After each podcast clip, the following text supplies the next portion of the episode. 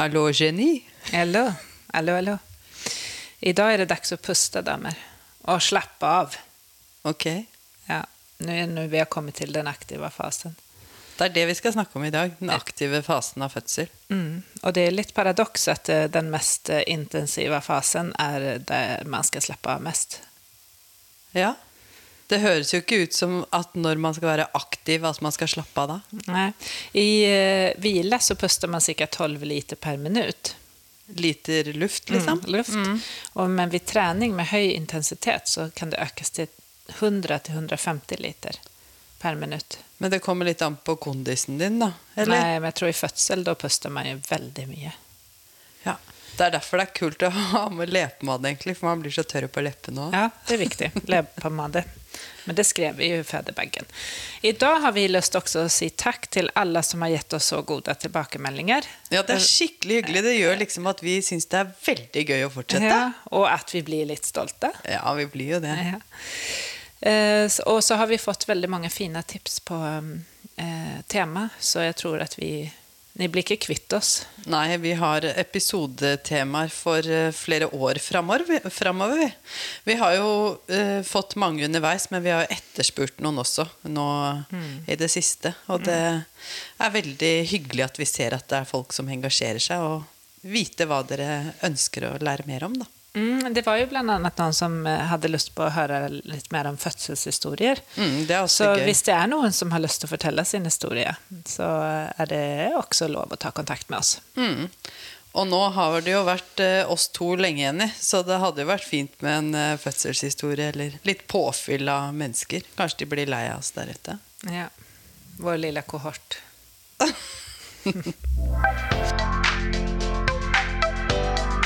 Du lytter nå til Jordmorpodden, en podcast om alt mellom himmel og helvete. Her skal du få klar tale, kjerringråd, vi skal ha fagdiskusjoner, og vi skal dele erfaringer og opplevelser. Ja, vi stoppet jo forrige episode med å si at nå er du klar for å gå inn på fødestue, vi. Ja, det gjorde vi. Ja. Eh, og vi snakket jo også en del om at det kan være litt vanskelig å vite når man er i den aktive fasen, men det har ikke så mye å si. Nei. Nei. Man merker det før, man trenger å vite det. Før eller senere merker du det. Eh, Så nå skal vi prate om aktiv fase og eh, hva som er lurt å gjøre i, i den fasen og tenke på og sånn. Og det er jo litt lett iblant å glemme ting, men vi gjør så godt vi kan. Ja, ja, jeg tror ikke vi glemmer så mye, gjør vi det? Men ikke når vi er der, men når vi skal fortelle om det. For det blir Å, ja. liksom veldig vanlig for oss at det vi gjør, det gjør vi.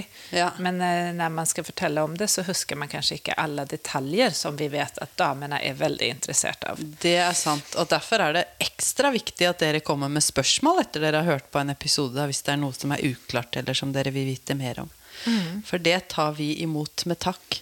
Men skal vi si Vi definerte jo aktiv fase i forrige episode, men vi gjør det igjen, Jenny. For aktiv fase av fødsel, det er eh, når man har regelmessige rier, og at livmorhalsen er blitt avflatet og åpen for fire centimeter. Ja. Og det kan jo ta ulik tid å komme dit for de forskjellige. Avhengig av ja, masse forskjellig, egentlig. Spesielt om det er første gang man føder, eller Ikke. andre eller tredje. Ja. Och, och det är ju också då under tiden nu så eh, under aktiv fas så kommer man ju värdera framgång hela tiden, eller inte hela tiden, men eh, fortlöpande. Och eh, ibland kan man si att det är sånn cirka en centimeter i timen, men jag, jag syns det stämmer inte sånn eh, 100 procent. Nei, dette er jo ofte et um, partnerspørsmål på de fødselsforberedende kursene. Hvor lang tid tar det nå? Og det, er, det har jeg funnet ut som jordmor. Jeg skal aldri si et klokkeslett, for jeg kan uh, jeg være helt sikker på at ikke babyen kommer ut akkurat da. Men pluss minus 1 cm i timen, det er jo det vi sier, og det er jo det det fødselsforløps, det partogrammet, de tidslinjene vi skal følge, da, sier også. Men så er det jo sånn at da en time kan det åpne seg 3 cm, neste time, neste to timer kanskje ingen. Og så er det jo det at vi må ha med det hodet eller rumpa nedover i fødselskanalen også. Ja. Så hva er lurt å gjøre i den aktive fasen? Nei, vår oppgave der inne på fødestua, den er jo liksom å palpere, dvs. Si kjenne på magen, kjenne på riene. Er de effektive? Og så vurdere de og fremgangen sammen. Fordi det er jo de riene vi er helt avhengige av for at babyen skal bli født. Så det er jo de vi er opptatt av. Men hva gjør vi for at de skal være bra? Det er jo først og fremst å trygge, tenker jeg. Ja, exakt. Å gjøre kvinnen trygg og lytte til det hun eh, ønsker, og forklare og gi informasjon om det vi gjør. Ja, støtte. Eh, men vi hjelper jo ofte til med litt sånn smertelindring. Og det har vi jo hatt nettopp en episode om. Og da tenker jeg den første smertelindringen vi benytter når man kommer Ja, på kommer i aktiv fase. du og de der duste steriltvannspaplene dine. Men det vi begynner med, er jo ofte sånn varmepose som man har brukt hjemme allerede. Og kanskje før det så står man litt i dusjen. De som ønsker, hopper i badekaret. Hopper i badekaret, Jenny. Det gjør de. Og noen blir jo der helt til de har født. Ja, det er en ny episode om vannfødsel. Og det gleder jeg meg til. Det er så fint. Ja. Men øh, vann, altså varmt vann, og varmepose. Hva tenker du er neste steg, du? Lystgass. Ja. Lystgassen, ja. Og lystgassen er jo, den har vi jo forklart noen ganger gånger på Instagram i alle fall, men den er ikke vanskelig å bruke. Det er en sånn maske som man puster inn og ut i, Og man starter når rien starter og slutter når den er slutt. Ja. Det var godt sagt. Men du, jeg tenker at skal vi kanskje forklare hvordan vi vurderer om det er fin framgang i fødsel? Og det er jo ved å vaginalundersøke. Ja, Og vi snakket jo litt om vaginalundersøkning eh, i, i, når man undersøker på badet i forrige episode. Men eh, vi tenkte at vi, det vi glemte å si da, det er hvordan man eh, ofte undersøker. Det er jo at kvinnen ligger på rygg, og at man putter hælene sammen og trekker kn knærne opp, og så faller ut med benen. Og så prøver å slappe av så mye som mulig.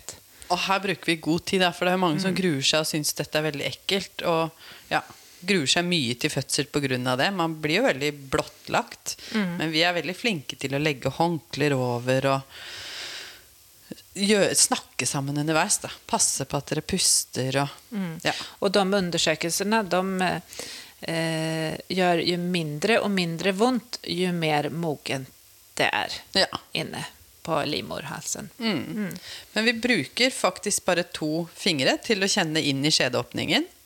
Og hvis det er litt umodent, så må vi ofte et stykke sånn inn og bakover, så det kan være litt vanskelig å komme til livmorhalsen. Men etter hvert så kommer livmorhalsen mer fram, så den er lettere å nå for jordmor som undersøker.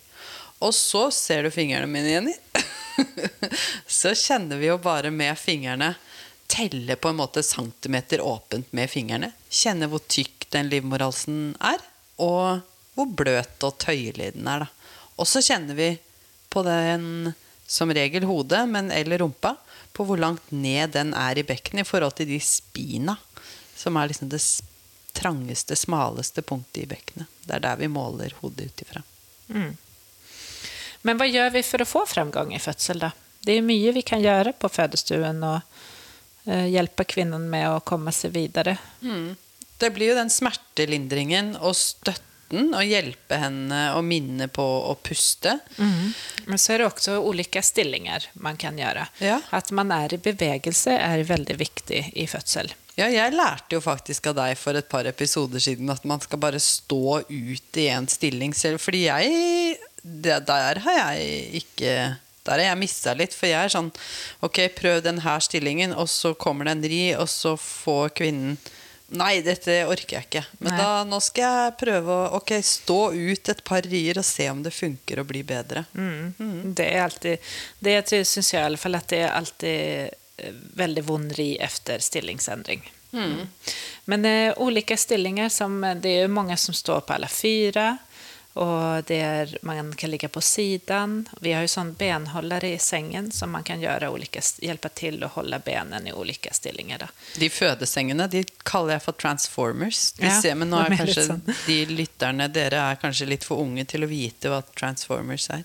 Jeg begynner å bli gammel. Ja, det har jo kommet tilbake. Går ikke det i bølger, det også? Jeg har bare jenter, jeg, så jeg men ikke. jeg har gutter. Han har vært veldig på Transformers. Ja, men det er i hvert fall veldig Man kan bruke, gjøre mye med den fødesenga, så den er god støtte underveis i åpningsfasen, da, i den aktive fasen. Mm. Men eh, ball, sa du. Men prekestol har vi også. Mm. Så den er jo fin å stå i. Prekestol, da har man noe å holde i. Mm. Så er det alltid fint å ta ett ben opp eh, eh, litt høyere på, på en krakk, eller en del har jo sånn eh, ribbevegg. Ja, ikke Ja, sant? eh, Eller bare på den selve prekestolen hjelper også, så at man liksom Nå kommer den der, hva du kaller det, shake the apple. Eh, Vikke, Ja. litt på, vikke litt på høftene. Ja. Logre med halen som du ikke har, pleier jeg noen ganger å si. Ja. Er det litt Og sånn så finnes det jo også eh, eh, Kanskje. Ja. no comments. Eh, da finnes det jo også sånne eh, stillinger eller saker vi kan gjøre som jordmor hjelper deg med. Eh, men det er kanskje lurt å se litt på fødestillinger før man skal føde. Og det eh, kan du finne på internett. Det store, store internett. Mm. Ja, Så- det, men det er jo inne på helseoversikt, eksempel, så er det mange gode linker til fine sider. Mm. Mm. Men eh. Det er noe annet vi kan eh, bruke for å støtte opp i gode fødestillinger, eller stillinger som vi bruker i aktiv fase, da. Mm. Det er jo gravideputen fra Bibi Hagmi. Den er super. Ja, det er en del som har den med. Og spesielt uh, fan er jeg når man har den med, og man kan faktisk ligge på magen.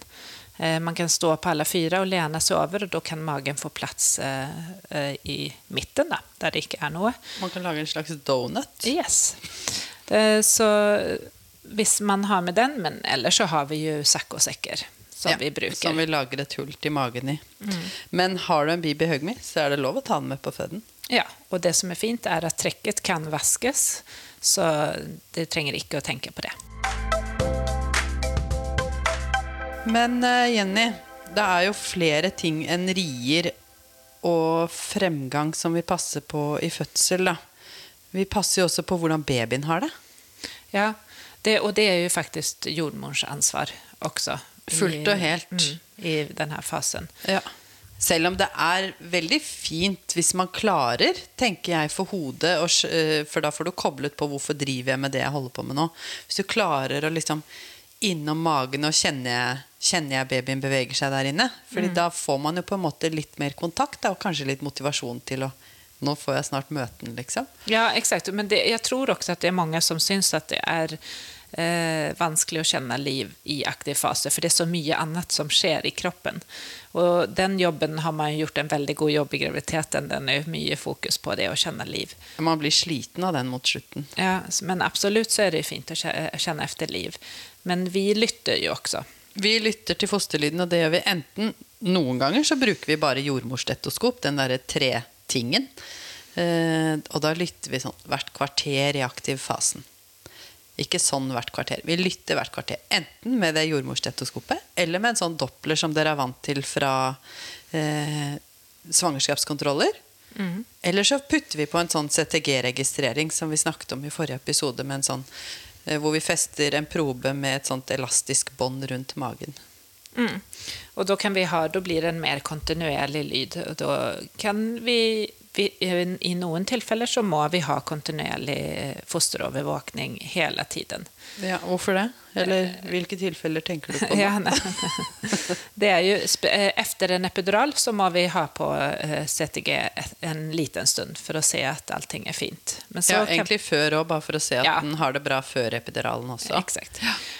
og, og så er det jo også en del annen type risiko. Ja, Eller hvis man har fått feber. Men det finner man ofte ut fordi da er babyens puls litt rask, og så tar vi tempen, og så ser vi at mor har litt Eller at babyen har litt rask puls, og da kan mor få Mor få Paracet, og så gir vi gjerne litt væske for å få ned temperaturen. Men det er ikke så rart man blir litt varm i fødsel, Jenny. Nei, og jeg syns det er vanlig med litt tempstigning. Ja. Så man trenger ikke å bli redd av den grunn. Nei. Og hvis man får høy temp, så da tar vi andre forholdsregler. Ja, da får man jo antibiotika og alt. Men eh, man er jo under trening i fødsel. Vi sier at man løper et maraton. Selvfølgelig blir jo litt heit når du løper maraton. Ja, det blir det. Men det er også f.eks. om vannet har gått og det blir misferget Då Mm. tar vi også på, eh, Da fester vi en liten elektrode. Det er altså et, et annet sett å lytte på fosterlyden på barnets hode. Det høres jo veldig skummelt ut. Ja, men det er ikke så skummelt. Hadde det vært det så hadde vi ikke gjort det. Nei. Nei. Men det er en sånn tynn, tynn kobberspiral som vi skrur rett under huden på hodet til babyen. Og da får vi direkte kontakt? Ja, og så får vi litt mer enn bare de hjerteslagene. Vi får mer informasjon. Vi får et slags lite EKG på babyen, faktisk. Mm. Så vi har mer informasjon om hvordan babyen har det under fødsel, enn hvis vi bare hører sånn dunk, dunk, dunk. Mm. Och då, hvis man har den elektroden på barnets hode så slipper man også en av de beltene rundt magen. Det er mange som syns det er litt deilig mm. å få bort det. Det høres ikke bra ut med belter. Vi må prøve å gjøre de liksom så lange og Altså de ledningene som henger fast i de probene, er jo ganske lange. Men det er fort å tenke når man har ledninger rundt magen eller den elektroden eh, på hodet til babyen, da. At man sitter fast i en maskin. Men de er lange. Man får fortsatt beveget seg, så man må passe på at man ikke tenker sånn Å, nå har jeg alle disse tingene på kroppen. Nå må jeg ligge rolig i fødesenga. Nå er jeg liksom blitt syk eller pasient. Nei. Det er man ikke. Nei, det er man ikke. Det må man ikke tenke. Nei, og vi, vi, vi pleier å hjelpe dere å tenke at dere skal bevege dere, men, men jeg tror hodet fort kan liksom tenke at nå må jeg ligge i ro, for jeg har alle disse greiene på meg. Och sen er är det också när du är indusert, så lytter vi också på fosterlyden kontinuerlig. Ja, når man er satt i gang i fødsel. Ja, när man er satt i gang. Det har vi også laget episoder om, så det kan ni søke opp. Ja. Nei, da, vi, da er det liksom vi som har satt i gang noe, så da må vi sjekke at babyen er med på det vi driver på med. Så da må vi lytte litt ekstra. Det er helt sikkert mange flere grunner. Ja, det er mange Jenny. flere grunner. F.eks. Om barnet viser at en eh, blir litt stresset, eller at fosterlyden eh, blir litt annerledes, Ja. føler vi, også et vi behov for å overvåke den mer. Da. Kanskje ikke tåler rier eller Ja. Og det er jo hva disse ledningene er festet i, er jo et sånn apparat inne på fødestuen hvor du ser at det tegner seg fosterlyd og rier. Og det er ofte partnere veldig opptatt av, de her eh, tegningene eller grafene som det blir ut av det. Ja, graf, registrering, da. Eh, men husk at ikke det er deres ansvar å følge med på den. fordi det, det opplever jeg noen ganger at eh, par kan bli redde når, hvis jordmor går ut av fødestuen, og så sitter de og passer på. Men vi har De fleste steder så har de, kan de se denne fosterlyden utenfor fødestuen også. Det føres over til en annen skjerm inne på vaktrommet. Men uansett om de har den skjermen eller ikke, så er den fosterlyden og den registreringen er jordmor sitt ansvar. Så dere skal bare drive med det andre fødselsarbeidet. Ikke passe på babyen. Nei. Sen, eh, men det man också kan se på de där eh, graferna är ju antal rier. Hur många rier är det vi tänker att vi tränger i födsel? Janne? Jannicke. Det er det det heter. Ja. Nei, det er jo veldig individuelt, da, Jenny. Det går jo ikke an å svare på. Normalen er jo så stor. Men vi sier jo for å komme inn, eh, eller for å tenke at man går i aktiv fødsel, så bør det være minimum to rier på ti minutter. Ikke sant? Og regelmessig. Ofte så syns jeg at man har fire mot slutten, sånn at det øker på mot slutten av den åpningsfasen, den aktive fasen. Åpningsfasen er fra 4 til 10 cm åpning av livmorhalsen. Eller mormunnen, som også kan hete. Men så har vi også en maks, altså, eller maks, men vi vil helst ikke ha mer enn fem rier på 10 minuter. Nej. og det er jo også for at babyen og och mor skal få litt hvile mellom riene. Livmoren må også hvile. Ja. Den kan liksom ikke stå i Livmor, høyspenn. mor og babyen. Livmor, mor og baby, ja. Alle de må hvile og få igjen pusten. Og det er jo det som er så fint med fødsel. At man som regel får en pause mellom disse riene som Ok, man jobber på, det er litt intenst. Ikke litt, da. Det kan være intenst. Og så får man puste litt. Før neste ri.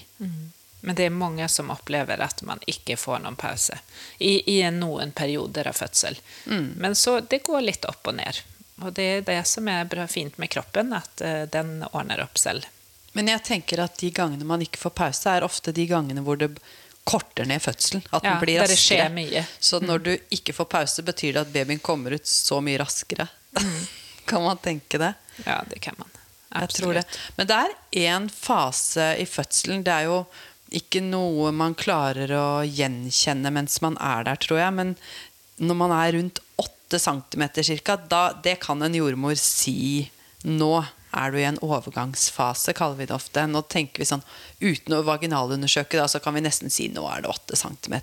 Og på vei til å bli 10. For da får vi litt sånn Kanskje litt kjeft. Det blir, litt, det blir mer urolige kropper og mer pusting. Og 'jeg vil hjem, nei, jeg vil ikke lenger gjøre det her. Og, Ja, Man har lyst til å pakke sekken og dra hjem, faktisk. Ja, det, det- kan man ikke. Men jeg har faktisk haft noen kvinner som er på vei ut. Jeg skal ut, liksom, ut Ja. ur sengen, og sånn, og da er det bare 'Hvor skal du någonstans? Nei, de vil ikke være med mer. Men det, men det ikke, jeg, jeg tenker kanskje vi har snakket litt mye om at det er vondt og at det er skummelt igjen. For det er jo veldig fint å føde òg, men jeg, det er fint å få forklare forventninger. da Avklare Ja, forventningene. det. At det kan Men- være litt intenst. Jeg tror ikke at det, det, det har vi også sagt at å føde barn er det kuleste vi kan gjøre. Det er jo helt sinnssykt. Ja, det er helt rått. Det er viktig å drikke og spise hvis man klarer, men mestadels så er det mye drikke det går i. Ja. Og da er det fint å drikke noe med energi, som f.eks. exempel saft eller juice eller noe sånt. Mm, det er veldig fint å ha med seg drikkeflaske i fødsel. Ellers så har man jo alt det på sykehuset. Vi har glass og sugerør og saft og melk og juice og alt det man måtte. Så, jeg opplever ikke at man drikker så mye melk i fødsel, kanskje. Nei, det, det er ikke det det går mest av.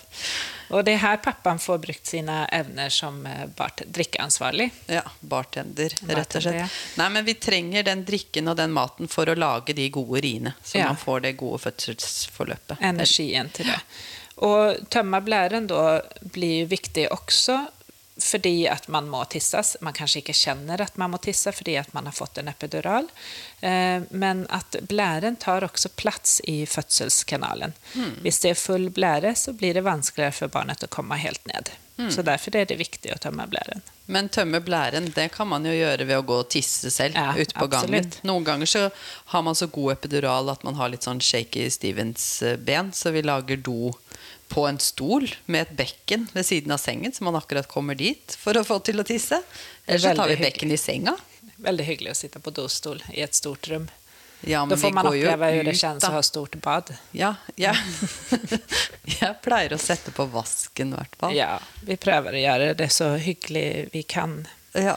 Også, For de så- som har- og så vi- men det er jo ikke alltid at man får det til, og da må vi hjelpe til med å kateterisere. Da. At vi tar inn et kateter og tømmer blæra, og så tar du ut igjen. Och under hela den här fasen så är det så viktigt med jordmor, ja, men också partnerstøtte. Vi ønsker oss en eh, positiv, støttende partner på fødestuen som eh, prøver å ikke eh, la rädslan ta over mm. og, og gå litt i forsvar. Eh, man ønsker jo så klart ikke å se den man elsker og ha det så vondt, men det er ikke så mye man kan gjøre i denne fasen. Man må la det gå sin gang. Mm. Men man gjør veldig mye bare Ja, ved å stå men- der og ja, støtte. det er det mener, selv om de ikke føler ikke på det. Nei, men det er også lov hvis man eh, kjenner at man som partner syns fødsel er veldig skummelt. At da er jordmor der for å støtte partner også. Ja, absolutt. Og det er også lov å, å finne en erstatter som fødselshjelper. Noen finner jo ut det. Ja, hvis noen er så redd at de ikke har lyst til å bli med. Men- da er det kanskje bedre å ikke ha dem med. Ja, Men det jeg kan si, er at når man først liksom kommer inn i en fødsel og blir med på den og ser hvordan den forløper seg, så blir det bare normalt og fint etter hvert. Man kommer liksom inn i gamet så lenge man er, er med hele veien. Det er veldig annerledes å stå utenfor på siden og så bare komme inn og se noe som man ikke har vært med på å se bygge seg opp. Nei, nei, Skjønner du hva jeg, ja, hvor ja, jeg ja, vil? Så, klart. Ja. Ja.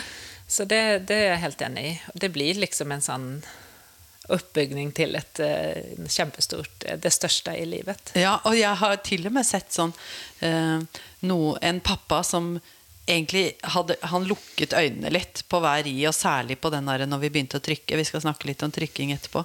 Men uh, når vi begynte å trykke, så lukta han litt. Men etter hvert så begynte han å titte over og se på hodet, og til slutt så var han bare Hei, Se, nå er snart hodet ute! Kom igjen! Kom igjen! Og, og, mamma, og mammaen ble helt sånn Ja, men i all verden, står du der nede, liksom? Du som vi nesten ikke skulle være med på fødestua. Men det er det jeg mener, at man blir liksom sugd inn i det, for det er en Ja, fin det er greie. Altså. fascinerande.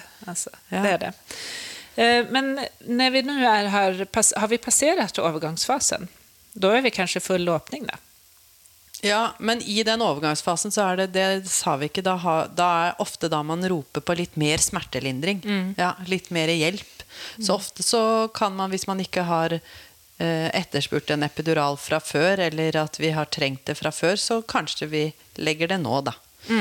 Fordi det er jo sånn at selv om det er 8 cm, så kan man tenke at det kanskje bare er ca. to timer igjen til 10 cm. Men da skal man huske at i hvert fall første gang man føder, at det kan ta et par-tre timer før det hodet eller den rumpa er helt nede, nederst i fødselskanalen, der hvor det skal være når man begynner å trykke. Ja, så det holder ikke med å bare få full åpning. Nei. Hodet eller rumpa må komme ned også. Men når det kommer ned, Ja. og det er 10 cm, hva skjer inni kroppen da? Hvis den funker som den skal? Eh, det er da man får trykketrang. Trycketranget kommer! Jeg klarer ikke, jeg bare må trykke! Men, men eh, faktisk så fikk vi et spørsmål der, Jannike. Ja. Det hvordan barnen ligger.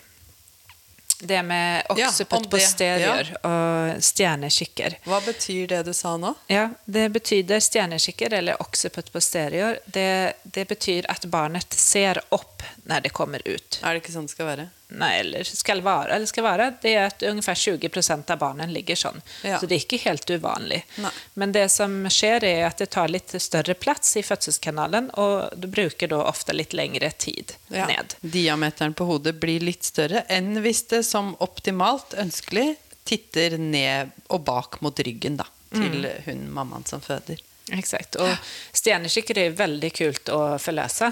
For at da ser, ser man rett, de bare ser rett opp på en. Eh, men, men det som hun spurte om, var jo også hvis man kunne eh, Om det var noen forholdsregler man kunne ta før for at man ikke skulle ha eh, At det ikke en- skulle ligge den veien. Ja. Mm.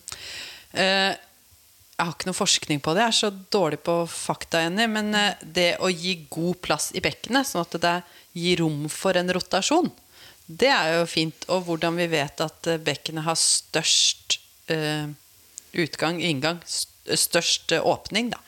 Det er uh, ved å stå på alle fire. Ja, så stå på alle fire kan det være en stilling som gjør at det roterer bedre. Men jeg tenker at det, det er ikke så mye du kan gjøre før du kommer i fødsel for at den ikke skal legge seg på eh, i en occiput. Nei, men du, jo, du kan stå litt med romslig plass i bekkenet, tror jeg.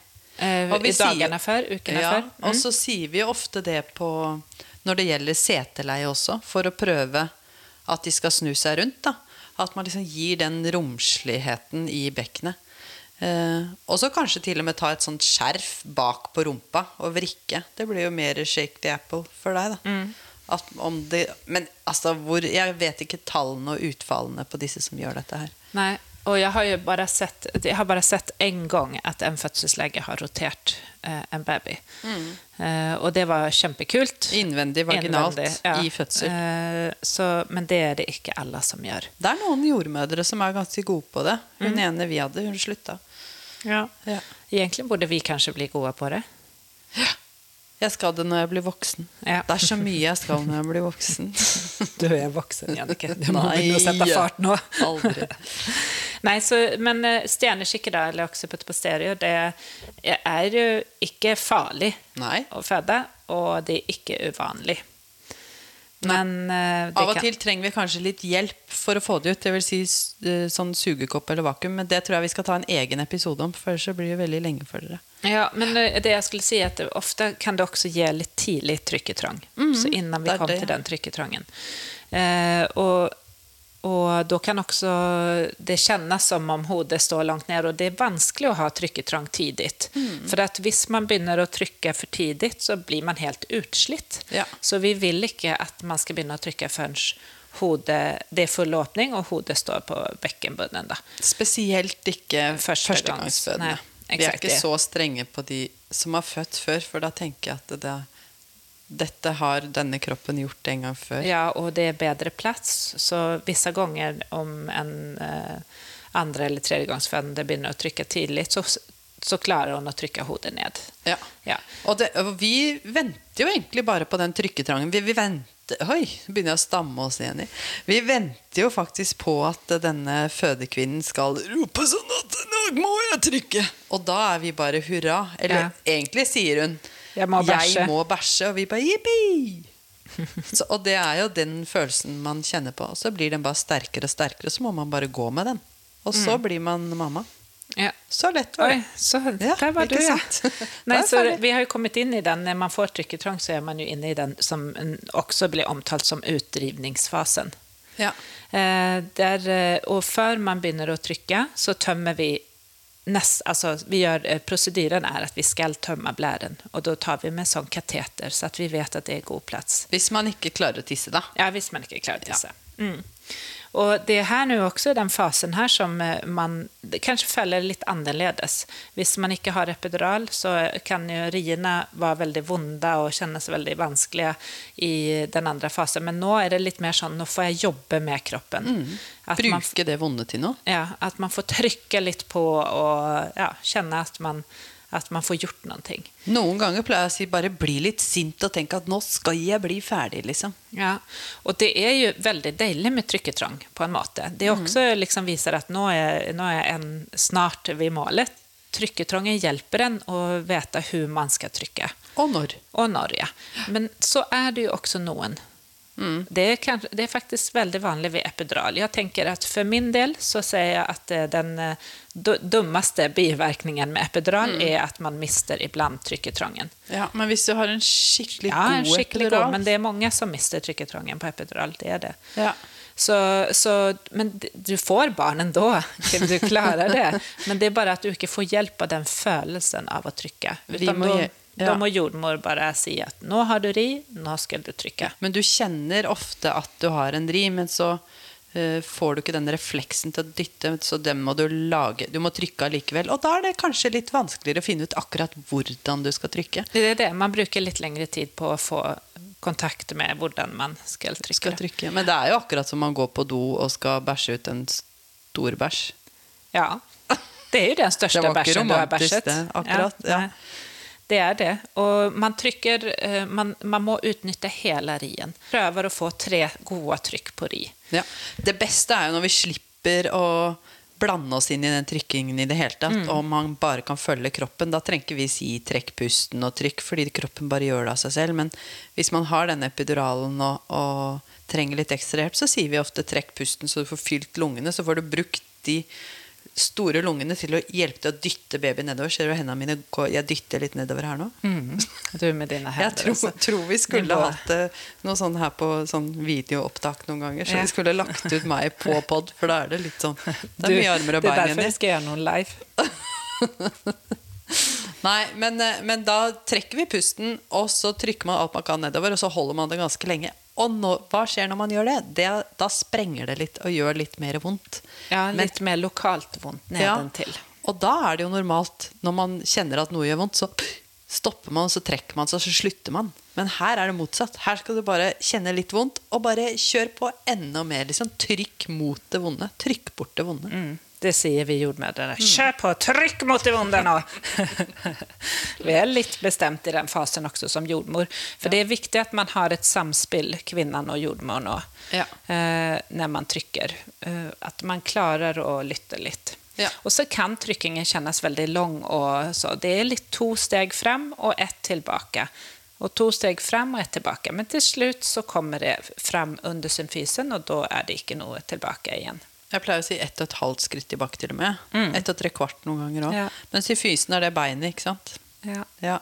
For da kommer jo ikke hodet lenger bakover, og da sprenger det ganske mye. Ja, Da, svi, da blir det mer sånn sviende smerte i åpningen. Men da er man så nære.